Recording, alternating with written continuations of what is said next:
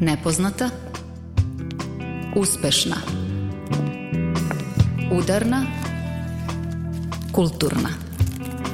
Srećna i tužna. Žena u kutiji Dobar dan, kreće još jedna žena u kutiji. Emisija koja iznova pokušava da vas edukuje, zamisli i otvori neke nove vidike. Ja sam Tamara Sremac, a tu je i ton majstor Damjan Šaš. Evo šta smo spakovali u današnju kutiju. U petak je obeležen dan sećanja na žrtve holokausta. Kulturu sećanja negujemo i u današnjoj emisiji, ali u sećanju na to stradanje ističemo žensku perspektivu. A protekle sedmice obeležena je i Evropska nedelja prevencije karcinoma grlića materice. Već treću godinu u Novom Sadu dostupna je vakcina protiv HPV-a, uzročnika ove bolesti i to potpuno besplatno. Nema apsolutno razloga da se sumnja da, da li treba da dam tu vakcinu detetu. A u najuži izbor za Ninovu nagradu ušao je roman Klara Clarisa, novoseđanke Marijane Čanak. I to je naša današnja preporuka za čitanje. I centralna priča je to traganje za sobom. Šta je to što mene čini autentičnom i kako sačuvati tu autentičnost u komunikaciji sa svetom koji je konstantno osporava. Udarna žena u kutiji. U petak je obeležen dan sećanja na žrtve holokausta, takođe prošle sedmice obeležena je 81. godišnjica Novosadske racije kod spomenika porodica na Keju i sećanje na januar 1942. kada je u Južnoj Bačku ubijeno više od 4000 Srba, Jevreja i Roma. Vrhunac tog pogroma dogodio se 21. januara u Novom Sadu, kada su fašisti ubili i pod led Dunava bacili najmanje 1300 nedužnih civila. Kulturu sećanja negujemo i u današnjoj ženi u kutiji.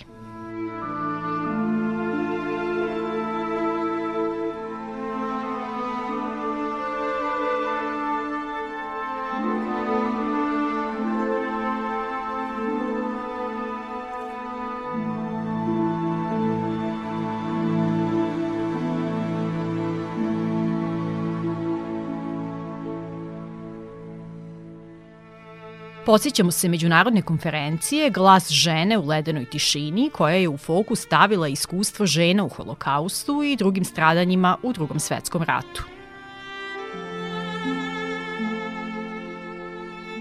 To je i dalje nov pristup kulturi sećanja, kako u Srbiji, tako i međunarodno. Ako imate sumnju u to zašto bismo u priči o stradanju jevreja, ali i drugih narodnosti, isticali žensku perspektivu, poslušajte priču Milice Kravićak Summit, u kojoj Sheryl Hajon iz Jerusalima, direktorka obrazovnog programa Odjeci i odrazi, ističe da koliko god smrt bila zajednička sudbina, na putu ka istrebljenju svaki rod je imao svoje putovanje. In Germany, Na primjer u Nemačkoj gde je sve počelo. Familije su počele da uviđaju šta se dešava sa nacistima, da Hitleru raste moć, pa su uhrabrivale decu da se ocele, da pobegnu i spasu se. Ali je činjenica da su to uglavnom radili sinovi i momci i muškarci.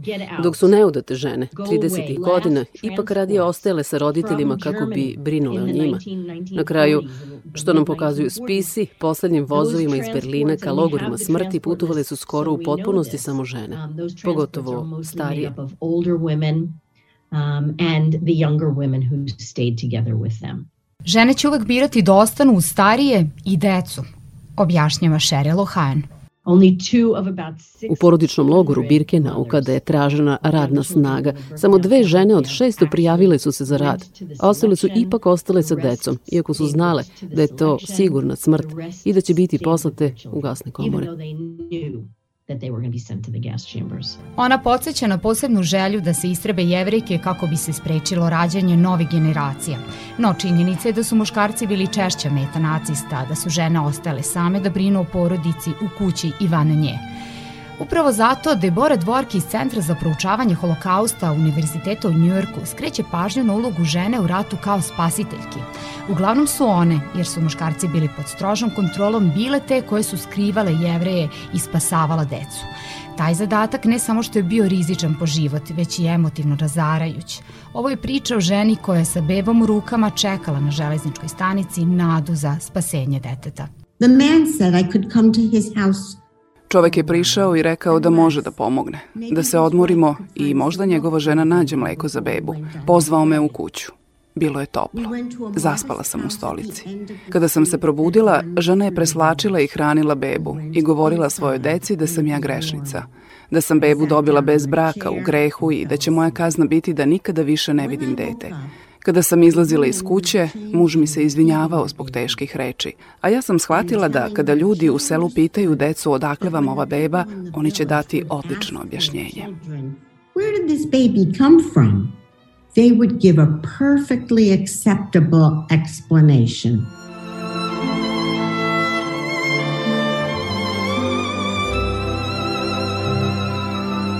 Potresne su priče o menstruaciji u logorima i snalaženju žena kada su u tim danima u mesecu. Od različitih krpica koje u gradu pravile su uloške, a u ispovestima saznajemo da ih je nebrojeno puta baš ciklus spasa od seksualnog zlostavljanja ili eksperimenata nad njihovim telima. Linda Nemet, istoričarka iz Memorialnog centra holokausta iz Budimpešte, kaže da su žene u logorima preživele zahvaljujući međusobnom ispomaganju i udruživanju. Relationships Veze u kojima su se dve žene podržavale kao sestre, delile su hranu, štitile se, a to je posebno bilo važno kada su žene bile bolesne i kada je logoraška sestra bila ta koja je brinula i lečila je. One su ohrabrivale jedna drugu da prežive i bodrile da ne odustanu. Zato ne čudi da mnogi preživele o svojim logoraškim sestrama govore kao osobama koje su ih održale u životu, i fizički i emocionalno. Physically and emotionally.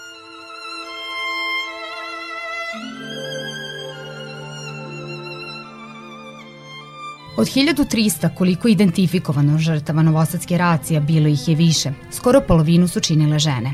Priče ženskih žrtava novosadske i šajkačke racije nedovoljno su poznate, kao i imena. Istoričar i direktor Istorijskog arhiva grada Novog Sada Petar Đurđev podsjeća na priču i ime majke Jelke Jovandić koje je ubijeno pet sinova. Njena porodica je bila bogata decom, ali materijalno krajnja siromaša njen suprug je preminuo Đurica 1927. godine, što znači da je sa teškom mukom u vremenu izbijanja velike svetske ekonomske krize uspela da othrani i izrodi i podigne petoricu časnih sinova. Međutim, kao što smo videli, oni su ubijeni u tom nezamislivom ratnom zločinu, a majka kao kazna ostavljena je da preživi ako je ona tražila da i nju okupatori ubiju. I ona je svoju muku rasila sve do 1971. godine kad je preminula. Nažalost, e, e, nije se našla u krugu interesovanja ondašnjih istoričara. Zid čutnje u vezi njenog slučaja je otvoren tek u januaru 1967. godine kada je izašao prvi tekst o njoj i sledeći je izašao 1971. godine. Đurđe podsjeća i na stradanje Biserke Katić koja je sa svojim suprugom bila brzo uhapšena. Međutim, mađarski oficer koji je priveo Biserku izveo je iz te palajaške sobe i rekao je da slobodno može da ide kući, ali da ugre kuću i da ga čeka uveče, jer naravno imao je neke nečasne radnje prema njoj. I ona je rekla da to ne pada na pamet, da je ona udata, on je rekao da ona ništa ne brine, da je suprug već ubijen. Ona je naravno hrabro odbila ponudu, drsku ovu ponudu ovog vojnika koji je nosio oficirski čin, a obrukao svoju uniformu i svoju državu, ovaj, ona je pokušala da se sakrije u kući jednog od svojih rođaka, međutim i tamo su stigle mađarske patrole, pobili su i tu familiju, nju su našli i ona je bila ubijena. Iz Nemačke ambasade u Srbiji tokom konferencije podsjetili su i na činjenicu da, iako su i muškarci doživljavali seksualno nasilje, u većini to je bilo žensko iskustvo, a o tome se skoro pa uopšte ne govori. Zaista je važno da poslušate predavanje na YouTube-u pod nazivom Glas žene u ledenoj tišini. Takođe na sajtu organizatora terraforming.org ponuđena je izložba Tračci svetla, biti žena u holokaustu, I uz to, ovo je važno da čujete, vodič za pedagoge o čemu razgovarati pre i posle izložbe sa mladima, što posebno pohvaljujemo.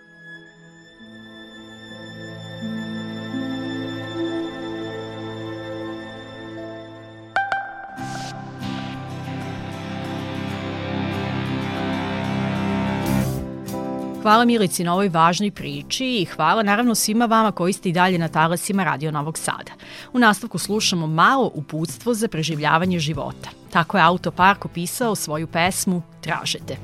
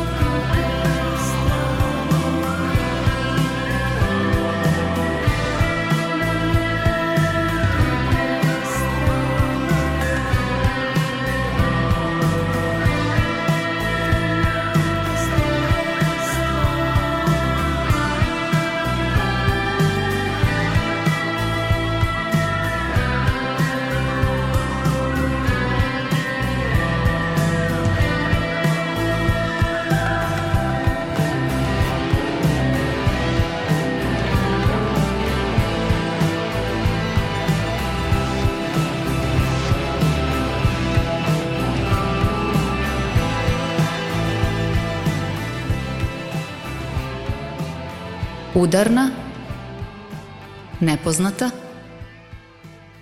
žena u kutiji.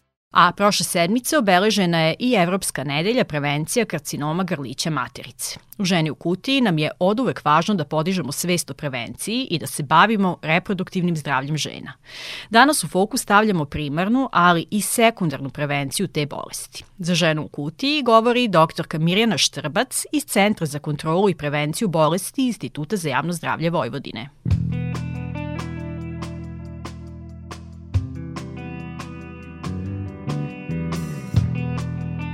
Prema podacima Registra za rak Instituta za javno zdravlje Srbije, dr. Milan Jovanović Batut, tokom 2019. godine u Srbiji registrovano je 1044 novo obolelih žena, a 438 žena je umrlo u Srbiji, od toga 117 u Vojvodini i to od ove maligne bolesti. Kako se naša zemlja kotira u odnosu na ostale evropske zemlje? Možemo da kažemo da je situacija tragična. Mi se nalazimo visoko, visoko na lestvici, da kažem, zavisi sada da li se gledaju standardizovane stope ili regularne stope, ali u prvih pet mesta, u prva tri mesta smo kada se gleda uh, mortalitet. I to je zaista strašno, zato, to je u stvari onaj broj umrlih žena, zato što se kasno otkriva kod nas i zaista se već otkriva u tim terminalnim fazama kada se ne može ništa uraditi, ali isto tako i po, po broju uh, novo otkrivenih slučajeva, odnosno incidencija, mi se nalazimo na u prvih pet e, zemalja. Dakle, Crna Gora je na prvom mestu, Rumunija i Srbija. E, zaista kada e, Evropa, da kažem, pogleda ovaj naš deo Balkana ili ovaj deo Evrope, zaista su ovaj podaci poražavajući. Da, i skoro svi slučajevi karcinoma grlića matrice, 99% povezani su sa infekcijom HPV-a, odnosno humanim papiloma virusom. Da li je svaka infekcija HPV-om uzročnik za karcinom i kada smo u najvećem većem riziku. Pa moram da kažem da je dobra stvar što nije svaka infekcija, to jest neće svaka infekcija HPV-om dovesti e, osobu do karcinoma. Dakle, u većini slučajeva, čak mogu da kažem 90% slučajeva se e, organizam nekako sam oslobodi ovog virusa ili da kažem imunitet pobedi u, tom, u toj nekoj borbi virusa i, i ovaj imuniteta. Ali uh, hoću da kažem da vi nikad ne znate kako će vaše dete ili kako ćete vi u nekim kasnim godinama reagovati ako ste već zaraženi ovim virusom. A činjenica je da je mm, od 10 ljudi 9 inficirano virusom. I vi ne znate kako će kasnije kada vaš imunitet, na primjer, pošto što se tiče karcinoma, postoji neka dva pika oboljevanja u ranoj mladosti i kasnije negde tamo oko 60. godine. Dakle, vi ne znate ni kako će vaše dete u mladosti ako se zaraze sa prvim seksualnim odnosima u 14. 15. 16. godini, kako smo dokazali prema nekim našim istraživanjima, kada imamo najviše mm, devojčica sa kondilomima ili genitalnim bradavicama. Dakle, to su ti najmlađi uzrasti do 19. godine. Dakle, da, mi smo potvrdili samo to što svi pričaju da se sve više i više kreće ovaj, seksualne odnose u ranijim uzrastima. Mm -hmm. Dakle, oni uh, se inficiraju jako mladi i dakle ta sluznica anogenitalne regije je prosto prijemčiva, osetljiva za takvu vrstu virusa, odnosno HPV, da bi onda negde između 20. i 30. godine već imali ozbiljne probleme na grliću materice. Dakle, ono što neće svako oboleti, neće se kod svakog razviti neka maligna alteracija, ali stvari u tome što mi ne znamo da li će to moje dete da će otići u tom pravcu ili će uspeti da se izbori i ono što je jedino efikasno i 100% dokazano je vakcinacija. Jeste i uh, kada god se priča o karcinomima uh, ne može se govoriti o toj primarnoj prevenciji u smislu ne postoji mogućnost da uradimo nešto da ne dobijemo karcinom. Tako je, tako je. I zato je dobra stvar što ovde zapravo postoji da, mogućnost je. da uradimo nešto da se bolest uopšte ne desi. Dobra vest je stigla prošle godine u Srbiji je Republički fond za zdravstveno osiguranje omogućio besplatnu vakcinaciju devojčica i dečaka starosti od 9 do 19 godina. Reč je o toj devetovalentnoj vakcini u trošku države. Yes. Zašto je sve to dobra vest e, i koje je uslov da bi se primila vakcina? Pa to jeste dobra vest. Prvo da to naglasimo da je to jedan sjajan potez koji je država konkretno uradila u borbi protiv ovaj, raka grlića materice. Dakle, jeste, 16 godina se priča o tome, obeležava se ova nedelja borbe protiv raka i tako dalje, ali ovo je ono baš konkretno, konkretna borba sa, sa, sa nečim što je jedina efikasna specifična mera prevencije. Mm -hmm. Dakle, bilo je potrebno osnažiti se dovoljno i nabaviti sredstva za kupovinu ove vakcine, ali ova vakcina je zaista skupa, a devojčicama treba dve ili tri doze i dečacima, u stvari zavisnosti od uzrasta, tako da to uopšte nije ni malo jeftin poduhvat za državu. E sada, uh, ja moram da kažem da je Novi Sad to m, prepoznao, da kažem, značaj ove vakcinacije dve godine ranije nego, evo da kažem, država, pa smo mi krenuli 2020. i 2021. kao projektna aktivnost da nabavimo određenu količinu vakcina i da ponudimo roditeljima koji su zainteresovani. I veliku ulogu u tome upravo ima Institut za javno zdravlje Jeste, Vojvodine. Institut za javno zdravlje Vojvodine, Gradska uprava za zdravstvo, Dom zdravlja Novi Sad, da kažem i ministarstvo ovaj, bez portfelja zaduženo, ministarka bez portfelja zaduženo za demografiju i populacijnu politiku, zato što moram da kažem da je projekat imao značaj ne samo za vakcinaciju, konkretno vakcinaciju, nego i podizanje svesti roditelja uopšte građani Novog Sada su se raspitivali kakva je to vakcina, zašto je to tako sad nabavljena određena količina, nema za sve, ko prvi stigne do vakcine njegova je, stvarno zaista je skupa vakcina. Ta neka kampanja, da kažem, i korist i vakcinacije i podizanja svesti nas je dola do toga da drugu godinu za redom krenemo opet u taj projekat, pa sad kad je i država krenula treću godinu za redom, onda smo stvarno ponosni koliko je grad Novi Sad u stvari već do sada vakcinisao dece i što ćemo mi negde kad gledate dugoročno za nekih 10 godina imati ozbiljne rezultate u prevenciji tog karcinoma, vidjet ćemo koliko je to pad. Za početak ćemo vidjeti koliko to devojčica u stvari uh, i dečaka uh, nema kondilome, odnosno genitalne bradavice. Tu ćemo prve rezultate videti. Hajde da damo i te informacije u vezi sa samom vakcinacijom, od kog do kog uzrasta se prima, da li je preporučljiva i dečacima i devojčicama. Bilo je o tome mnogo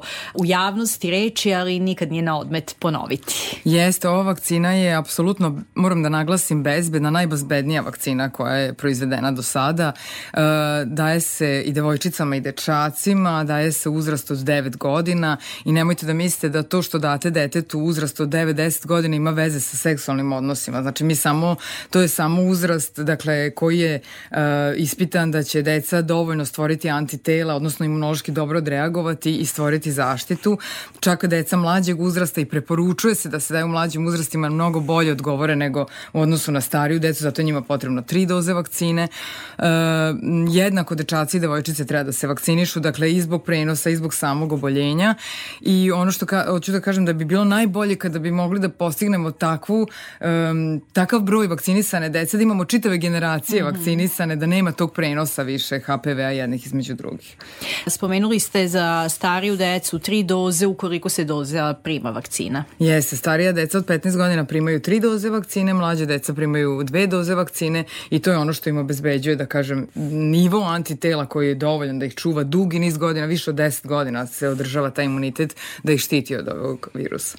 A, ova vakcina se u svetu primenjuje više od 15 godina. Prve programe uvela Australija i njihovo desetogodišnje istraživanje je završeno 2015. godine. Rezultati su pokazali da kod devojaka između 12 do 14 godina koje su vakcine primile, procenat HPV-a uzrokovanih oboljenja pao je na oko 1 od 1,1 tačno. E, praktično možemo reći da je tamo rak grlića materice pa skoro iskorenjen. Kod nas i dalje postoje sumnje uh, u vakcinu. Ima li napretka, evo sada, bar u ove tri godine, da li smo ipak malo se pomerili sa te mrtve tačke kada je reč podizanju svesti?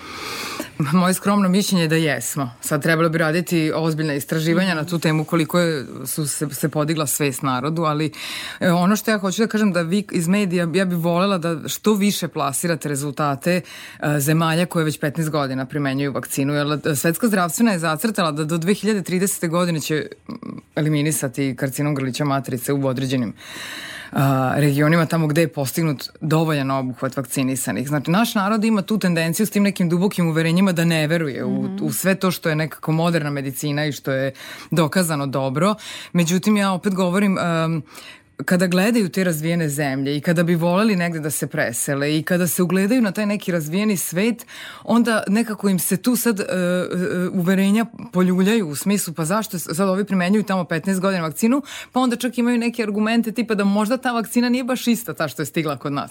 Nekako vole da ne veruju, ne znam kako to da objasnim, ali opet građani Novog Sada su se pokazali kao stvarno edukovani i kao ljudi koji su dosta čitali o tome, bar ovi što su kod nas dolazili u institut, da kažem, mi imamo sada preko 1500 dece vakcinisano protiv HPV-a. To je ozbiljna jedna, da kažem, armija roditelja koja zna koje su koristi ove vakcine i koja šire to svoje znanje na komšije, prijatelje i tako dalje sugrađane, a postoje zapravo dokazi, evo ja kažem ne samo Australija, ajde ona nam je daleka, mm -hmm. ali gledajte ove skandinavske zemlje u Evropi, pa Nemačka, pa sve ti što su, gde naš narod, da kažem, gravitira teži, kada da, ja, da, da teži, zaista vakcinišu već dugi niz godina devojčice i dečake. Hajde onda da razbijemo i tu predrasudu još jednom, dakle u pitanju je ista vakcina. I ista, potpuno ista vakcina, kažem devetovalentna, najmodernija vakcina koja se primenjuje u svim bogatim zemljama sveta, apsolutno bezbedna, ispitana, ispitivana više od bilo koje vakcine, dakle pre one 2006. godine kad je, kad je to sve, da kažem, odobreno i kad je počela i dokazano, 100% dokazano da je efikasna.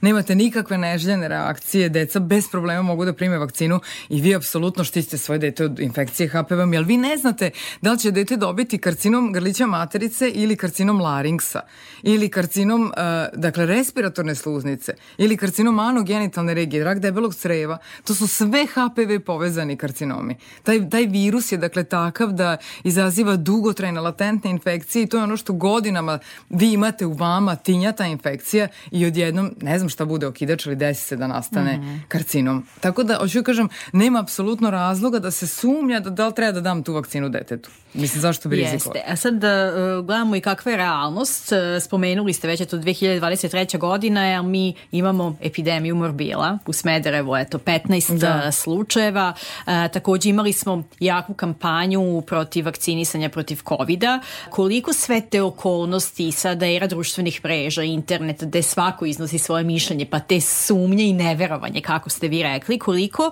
upravo to širenje lažnih vesti uh, utiče i na vakcinaciju protiv HPV-a. Da li se da to može kažem, izolovati? Pa utiče, ali to nije namerno. Naš, kako da kažem, opet i ljudi i lekari, ja ne, ne, ne, uopšte ne sporim da ima lekara koji ne znaju kako vakcina deluje. Znači, ne znaju mehanizam antigen, antitelo. Kako se taj antigen plasira u mišić, na primjer, u ruku i stvori se takva vrsta antitela, šta su ta antitela po sastavu, da ona, na primjer, mogu da deluju dole gde je ginekološki trakt. Znači, ima gomila lekara koji ne mogu to da objasne. Gde sad to antitelo uhvati uhvati taj virus. Zašto taj virus onda ne može da probije bazalnu ćeliju membrane i da uđe u ćeliju? Gomila lekara to ne zna, a ne narod običan. Dakle, narod ima prava da ne zna. Da. I onda iz tog straha i neznanja ne znaju da objasne kako to vakcina štiti nas, šta ona sad tu radi, a da ti zapravo ne možeš da oboliš i ne možeš da da, da stvoriš nekakve, m, što oni kažu sad, da čipovanja ili ta neka kao DMMR, nešto kao autizam. Nekak, znači, razne gluposti se plasiraju samo iz tog neznanja. Ja stalno sam za, tu, za to, hajde da razbijemo temi, daj da im objasnim šta treba, šta ne znaju. Evo šta konkretno ne znate o HPV vakcini, šta vas zanima, kako taj virus, kako to bude sprečeno da on uđe u ćeliju, sve ćemo objasniti. I onda ćete vidjeti da sve te teorije koje su nastale upravo na, na tim, mm, da kažem, na tim činjenicama izmišljenim, padaju u vodu. Ono sve što je medicina moderna dokazala, dakle, ozbiljne, ozbiljne istraživanja i sve kako se, da kažem, na molekularnom nivou nešto ispituje, mora da se prezentuje nekako jednostavnije narodu da bi oni shvatili o čemu se radi. Upravo te zablude silne i o MMR-u i o COVID vakcinama i to je sve iz neznanja. Jer naš narod stvarno ne može da dobaci, ja kažem dotle, da može da shvati. To su ozbiljne naučne, m, naučni procesi na molekularnom nivou ne može tako, tek tako lako da se objasni kako sa ta vakcina deluje. Zato da, kažem, zato opet stalno... imaju ljudi koji su se čita život školovali da bi došli do toga razumeli, pa je sad se postaje pitanje zašto nepoverenja onda prema tim ljudima koji nam objašnjavaju da e, vakcine nisu štetne. Tako je, tako. E sad, zašto nepoverenje? To opet kažem ja kao stručnjak Da. Ne mogu da objasnim sad široke narodne mase zašto imaju nepoverenje. To može biti iz političkih, ekonomskih razloga i tako dalje. Ljudi, znate kako, najbolje uh, programe prevencije imaju zemlje kojima je standard jako visok. Dakle, ljudi kada imaju sve bazične stvari zadovoljene, onda mogu da se bave prevencijom. E sad, naš narod tu negde, da kažem, uvek misli, ma neće mene, šta, ne, a ne da razmišlja tek za 20 godina kad mu dete poraste, da li će možda dobiti neki rak. To su onako, kako da kažem, stvari koje možeš da radiš kad, kad nemaš drugih problema. Ja bar to tako objašnjam. I onda bi ja volila da nekako mi struke, vi iz medija zajedno probamo da kažemo da je sad vreme da misle na svoju decu, zato što, kako da kažem, koliko god drugih problema, ne postoji ništa važnije od zdravlja. E, što tiče procedure, dovoljno je da se obratimo pedijatru tako je, i onda tako je vakcina tu praktično tako dostupna je. Najjednostavnije. Da. da, koliko je problem doći do devojčica i devojaka iz marginalizovanih grupa? Pa ja ne znam kako da kažem, mi se trudimo da, hm, da, da, da nekako svima nudimo informacije na, kroz sve moguće medije. I ja ne mislim da marginalizovane grupe to nekako neće čuti, ali pedijatar je taj koji će preporučiti i um, kada dođu u kontakt sa detetom. Jedino što bi ja volila više da se mi malo po školama, malo više, da sva deca imaju prava to da čuju, jer mi prosto nećemo teritorijalno zalaziti u delove grada pa sad gledati jel, ove određene populacije, ali volila bi da nekako svi imaju m, dostupne informacije, a pedijator je ta i medicinska sestra u domu zdravlja koji će nekako e, direktno preporučiti njima vakcinu. I osnovna poruka svim ženama i devojkama da raga materice jeste maligna bolest, ali se može može sprečiti i to Tako jeste je. suština, ali hajde još e, za kraj da informišemo e, o tome e, šta se dešava ako se ne spreči bolest. Važno je da spomenemo da se može izlečiti ukoliko se otkrije u ranoj fazi, koliko pregleda godišnje nam je potrebno kada govorimo baš o tim preventivnim mm -hmm. ginekološkim pregledima, odnosno u sekundarnoj prevenciji. E sad ja moram to da naglasim, baš volim što ste to rekli, zato što uh, kada gledate podatke o raku grlića matrice, vi ste sad malo prepromenuli imali podatke, hiljadu i nešto novo otkrivenih, 400 i nešto umrlih. A da li se iko zapita koliko ima devojaka i žena uzrasta od 19 godina pa do 60 sa premalignim lezijama? Sa onim što se devojke bore svakodnevno, evo ja u svojoj okolini imam jako puno. Dakle, to su oni devojke koji imaju onaj papa test negde -hmm. granični. Sad zamislite kvalitet života devojčice koja negde od 20. 25. godine mora stalno da ide na češće kontrole nego što su redovne kontrole papa testa i da stalno se bori sa tim kakav će biti sledeći nalaz. Da li će ta premaligna lezija otići u malignu ili će ona ozdraviti. Dakle, to je ogroman broj žena, puta sedam. Dakle, u Novom Sadu konkretno imamo ogroman broj mladih koji sada, devojaka koje imaju problem, dakle to su ti high seal promene. E, lezije koje nisu karcinom, ali su visoko rizične. Mm -hmm. E to je ono što mi takođe sprečavamo vakcinacijom, da vi kvalitet života imate takav da vi idete redovno ginekološki pregled jednom godišnje zbog svega onog drugoga što nije HPV, znači što nije HPV-om izazvano, zbog svega onog drugoga, ne znam, bakterijski nalazi i tako dalje, da vidite da li je sve u redu, idete jednom godišnje ili jednom u dve godine, to opet zavisi od procene ginekologa sprem vašeg mm -hmm. nalaza, idete opušteno na ginekološke preglede. Dakle, Jako je važno i sada da kažem da na, opet Novi Sad je drugačiji, ne možemo poraditi sad e, devojke i ženu u Novom Sadu u odnosu na opet uh, uh, stanovnike i devojke u selima. E, gde čak možda ni ginekologa nema. Trenutno je takva neka situacija sa, sa zaposlenim lekarima, ali da one same moraju da znaju, da apelujemo na to da mora da se ide redovno kod ginekologa, upravo zbog toga što vi možete u ranoj fazi da uhvatite neku promenu i da se onda to, da kažem, hiruški reši ili već kako ginekolog bude odredio i da ne odete u taj stadijum karcinoma kada nema dalje, mislim kada nema nikakvog tretmana koji bi vam pomogao. Da, suština jeste da treba da reagujemo pravovremeno, vakcina protiv HPV-a i redovni ginekološki pregledi. Doktorka Mirjana Štrbac govorila za ženu u kutiji. A sa ženskim glasovima i nastavljamo ženu u kutiji. Slušamo Idu Prester i njen dodir u akustičnoj verziji.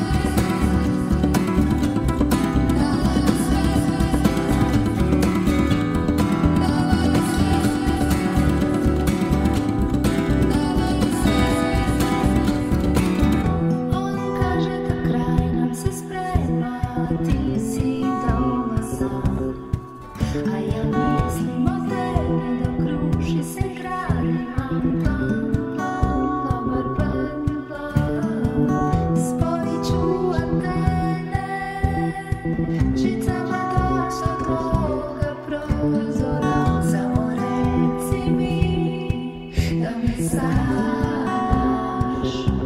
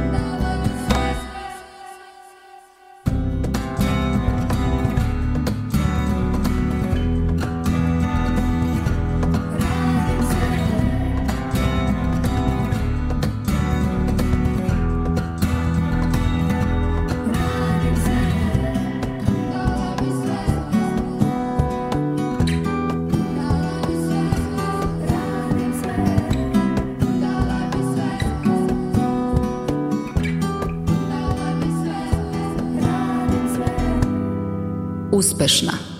Žena u kutiji.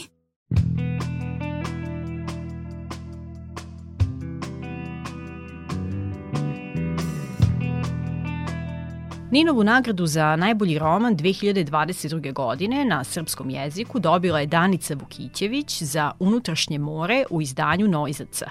I tako je nakon Milene Marković i ove godine nagrađena žena. U odluci žirija se kaže da je izabrani roman 69. Ninove nagrade formalno inventivan, preispituje probleme egzistencije od privatne do društvene političke ravni, od materijalnosti svakodnevice do ključnih unutrašnjih drama pojedinca u savremenom svetu.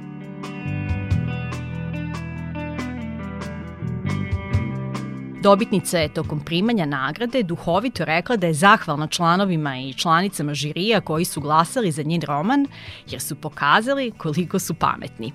Ali se zatim zahvalila iskreno i ostalima koji nisu glasali jer su ukazali na druge dobre romane, autore i autorke. Danica Vukićević govori o utiscima i nagrađenom romanu. Između ostalog, važna stavka u pisanju ove knjige, ja nisam imala nikakav predomišljaj, prišla sam tekstu koji je izlazio iz mene sa potpunom slobodom i naglašavam sa ogromnom radošću. Tako da ja ovo, ovu knjigu doživljam kao čistu radost, to je moj subjektivni doživljaj, ali to je meni jako važno i važno mi je da ja imam te čiste odnose sa tekstom, sa svim elementima književnog života koliko god je to moguće.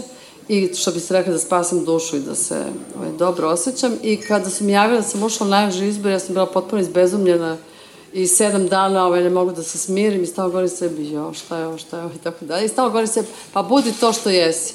Znači, o, ova knjiga između ostalog, to je rekao jedan moj prijatelj, predstavlja hologram moje ličnosti. Što nije bitno, nebitan je, važan je tekst. Pisac nije bitan. I ova knjiga ima svoj samostalni život i ja želim puno sreće i volim je. I želim da se zahvalim, znači, i žiriju, što je to video, i želim da se zahvalim ljudima koji su verovali u mene. Ove, ovaj, nema ih baš previše, zato im se zahvaljujem, ali oni su veoma posebni i to je to. Hvala vam. Pažite. U najuži izbor za Ninovu nagradu ušli su i romani Milana Tripkovića, Gorana Petrovića, Mirjane Drljević, Uglješe Šajtinca i Marijane Čanak.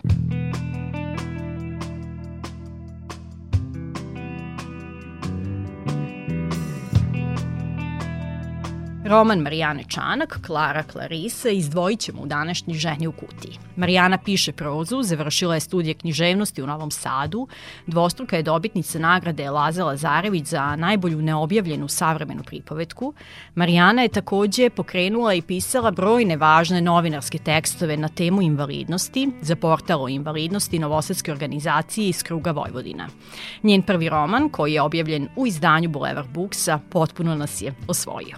Sa Marijanom Čanak razgovara Tatjana Novčić-Matijević. Radosna je sad ova situacija da se nađete među šest najboljih romana objavljenih na srpskom jeziku u prošloj godini. Ja vam čestitam na tome, pogotovo što je to prvenac. Sada da zaronimo u Klaru Klarisu, za mene je fascinantna bila atmosfera. Usuđujem se da kažem da je ovo jedna sočna knjiga, puna energije, sočna po svim nivoima. I po emocijama i pre svega po jeziku, ali po emocijama, po bojama, po mirisima, po svim slojevima pripovedanja.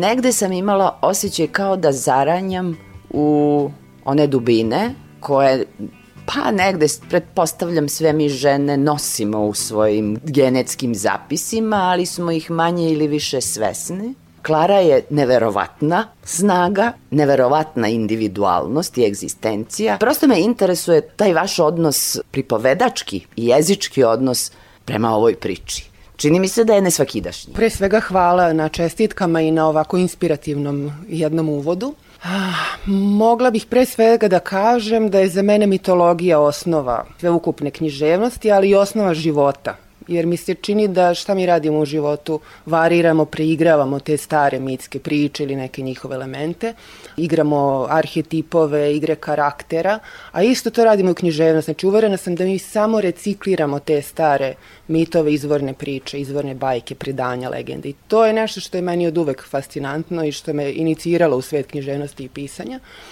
i kontekst ovog romana jeste mitski, Danas nekako svedočimo, rekla bih, degradaciji mitova. Jako je poznata ona fraza mitovi i činjenice kad hoćemo da ukažemo na nešto što je istina, ona jednoznačna, a mi u tom slučaju koristimo kao sinonim za zabludu. I iz toga nam je jasno da živimo u nekom svetu koji je orijentisan ka linearnosti, logičnosti. Mental je nešto što je vladar razumevanja sveta. Mislim da to nije dovoljno kad promatramo mitove, neminovno je da se mitovi obraćaju i našim emocionalnim nivoima, da obiluju simbolima, simboli otključavaju onu priču duše, dakle vibriraju sa njim najdubljim u nama i takođe uvažavaju i cikličnost kao jedan od životnih principa. To smo sve nekako zanemarili i zataškali u našem savremenom ovom logičkom poimanju sveta. I zbog toga su i mitovi važni i zbog toga je bilo važno da kontekst romana bude mitski i da tekst može da pravi takvo dejstvo, dakle delujući na one najdublje slojeve u nama, da zaista može prouzrokovati neku transformaciju na nivou te celovitosti shvatanja bića i sveta. Verujem da ne može, na primjer, neki ideološki, politički pamflet koji se obraća isključivo mentalu, tom kognitivnom sloju, da napravi transformaciju. I ispiranje mozga nije dovoljno za suštinski preobražaj treba se spuštati onim korenjem. Da iskoristim sliku Apsolutno da, korenima i mislim da je neophodno vraćati se na izvor, na izvornu književnost, na te stare drevne priče koje imaju ta dubinska dejstva i da imamo tu slobodu sada da ih variramo, preoblikujemo, ponovo interpretiramo na nov način. Kada racionalno čitamo Klaru Klarisu, mi negde uviđamo sav taj set tema koji jesu karakteristični za savremeni život. Oni su naravno u velikim slikama, moćnim simbolima. Na jednoj strani kavez, na drugoj strani mostovi. Dakle, Klara, Klarisa je jedna snažna žena koja je apsolutno svesna svakodnevice i svesna svojih potreba i okruženja koje je kavez. S druge strane, ne postoji ta vrsta poistovećivanja sa, sa njenom patnjom. Ne. Ona iz svega izlazi sad kao jedna snažna, slobodna ličnost. I utoliko mi je zanimljiv bukvalno i taj zaokret na kraju. Još jednu stvar želim da vi potencirate, a to je taj yin-yang. Ja sam to tako razumela. Dakle, Klara i Klaus. Ženski princip, muški princip, vezani tom čudnovatom, jel, blizanačkom vezom koja je e, mnogo više od evo ove puke sintagme. -huh. Tako je, ja sam od početka pisanja i uopšte suočavanja sa Klarom, otkrivanja njenog lika, imala na umu da je nekako nužno da ona prođe kroz frustraciju, kroz traumu, jer to jeste deo života, neizbežno je. Ali mi je bilo izuzetno važno da ona ne ostane zaključena u tom kavezu frustracije, jer onda priča nekako ne bi imala smisla. Izostalo bi to katarzično dejstvo i ne, unizila bi se priča kao takva. E, tako da to je nešto čime sam se rukovodila od samog starta, da je to žena koja će proći kroz transformaciju, kroz dolazak do sebe, otkrivanja snage i samim tim ta frustracija ima smisla. Znači, to nije njena celoživotna priča, to je samo jedna od epizoda u njenom životu iz koje ona izlazi osnažena i izlazi bliža, bliža sebi. A što se tiče njenog odnosa sa Klausom, to je svako jedan od centralnih odnosa koji se razrađuju u romanu. Uh, Oni su blizanci, što znači da se rađaju kroz isto telo. Dolazak kroz majku ujedno u velikoj meri obeležava naš odnos prema životu samom, jer to je naš prvi kontakt, onaj kanal za dolazak u život, tako da odnos s majkom i sa životom je nešto što je nužno isprepleteno. Oni odrastaju u nekom identičnom ambijentu, imaju iste uslove u detinjstvu, I zbog toga bilo interesantno istražiti šta je ono što ih čini ipak različitim što je njihova individualnost, bez obzira na identične uticaje spoljašnjeg sveta, ipak njih dvoje imaju ono što je esencija pojedinačna i različita. I istraživanje njihovog uzajamnog odnosa takođe je bilo zanimljivo kroz taj otkrivalački, stvaralački proces. Oni jesu antipodi, ali njihove te suprotnosti su ipak spojive, jer suštinski rade jednu istu stvar na tom putu traganja do sebe. E, Klara bira nekakav put dominacije, superiornosti, to je nešto čemu ona nastoji, a Klaus radi suprotno, on ide u poniranje, u neku potpuno potčinjenost, kroz koju će opet naći veliku snagu. I to sad na izgled deluje da je onako potpuno na različitim krajevima, ali i suštinski ista stvar i centralna priča je to traganje za sobom. Šta je to što mene čini autentičnom i kako sačuvati tu autentičnost u komunikaciji sa svetom koji je konstantno osporava.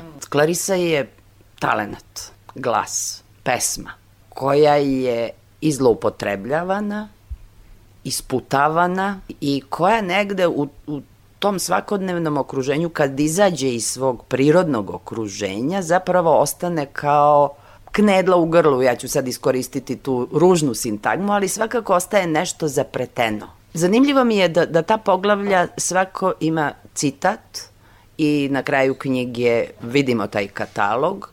To je zapravo posveta ženama koje su snažnim glasom književnost žena učinile moćnom, vidljivom, negde se čini da prirodno pripadate tom krugu spisateljica iz, iz regiona. To su zapravo autorski glasovi koji su za mene bili veoma aktuelni tokom procesa pisanja. Dakle, to su knjige koje sam ja tada čitala i neminovno je bilo da sam u komunikaciji sa njima, na nekom nivou sa njihovim autorkama i njihovim glasovima.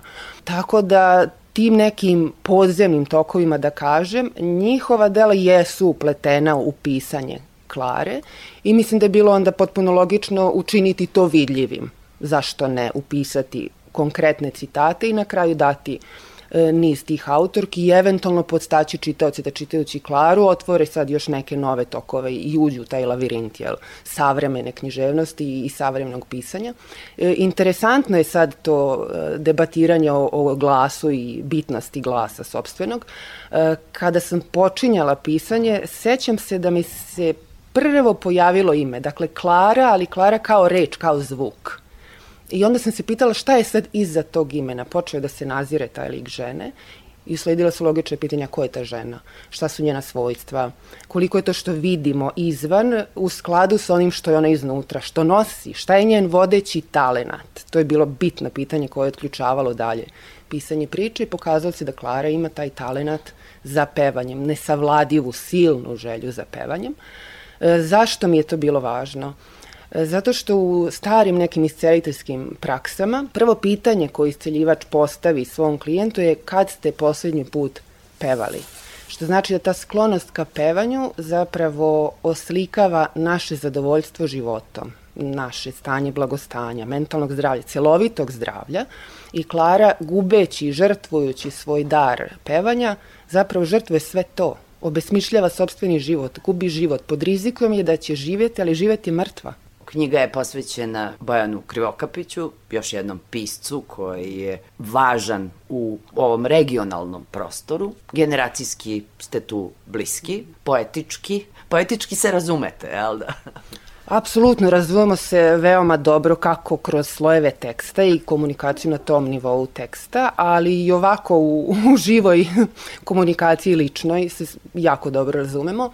Moj susret sa Bojanom Krivokapićem i knjiženim radionicama koje on godinama već kontinuirano uspešno vodi su napravile, rekla bih, jedan ključni preokret za mene i moje pisanje – Nekako je to bio trenutak da izađem iz one stvaralačke izolacije. Mislim, pisanje jeste samački posao i nužno je da smo sami sa sobom donekle izolovani, uronjeni u tekst i u taj proces kreativnog toka misli.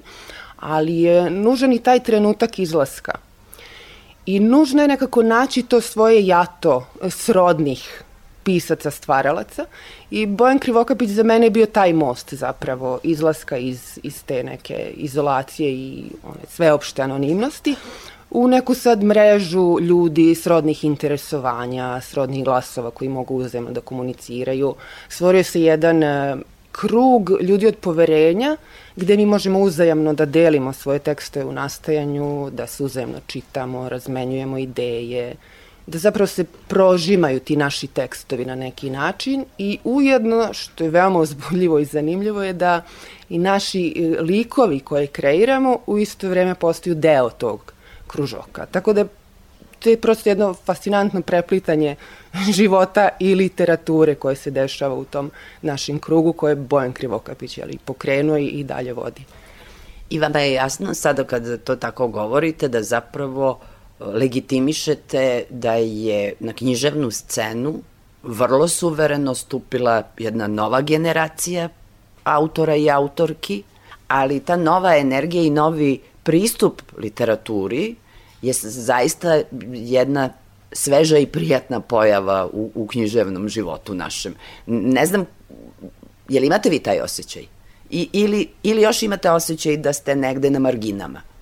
Kako bih rekla, ovim legitimisanjem, dakle ovim izborom u, u šest najboljih romana, to, to već jeste jedna zaista snažna poruka svima vama. Pogotovo što među e, šest pola je, su autori prvih romana, jel? Da, da, to je svakako činjenica i činjenica je da već ovaj najužbi, najuži izbor nekako ima tu ulogu velikog reflektora koji će određene naslove da dodatno rasvetli, ukaže na njih i pozove čitaoce da, da se pozabave tim knjigama i, i novim autorima za koje možda nisu ni čuli. To jeste tako, ali trudim se da naprosto ne razmišljam previše o tome, da ostanem nekako što je više moguće u svom bavljanju tekstom, a ne kontekstom i ovim što dalje sad sve može da sledi, može, a ne mora. Jeste mi naravno bitno što će knjiga sad imati neki svoj život i ja bih najviše volila da ta knjiga može da vodi svoj život nekako mimo mene, da ja ostanem sad u nekim svojim daljim kreativnim procesima, promišljanju, pisanju, prikupljanju, građe za nešto novo, a da je ovo već nekako jedno onako kako bih rekla, odgojeno, stabilno dete koje sad može samo da se snalazi u svetu i funkcioniše bez toga da mu treba sad neka dodatna uh, podrška ili nešto da ja govorim u ime te knjige. Jako bih volila da knjiga sad može sama da A komunicira da se to neće dogoditi? pa, da, zapravo znam, ali i dalje volim ovu ideologiju.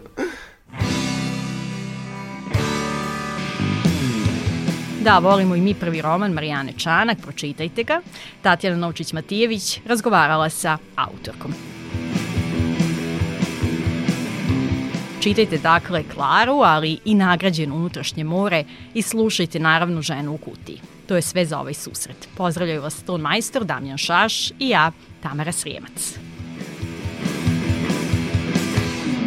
Za kraj smo ostavili najnoviji singl pančevačkog dvojica Butch Cassidy, kojim najavljuju svoj treći studijski album.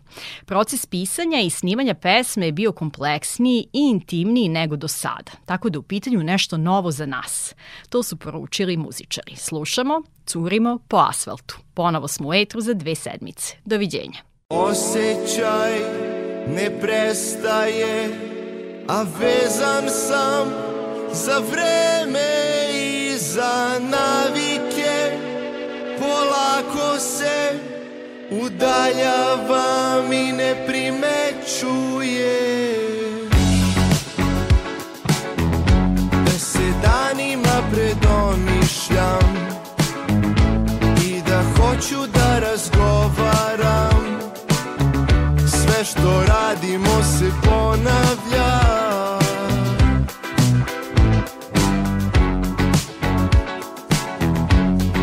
Trebam nikad nisam tu. Ti ne uživaš u odnosu. Sve se urušava u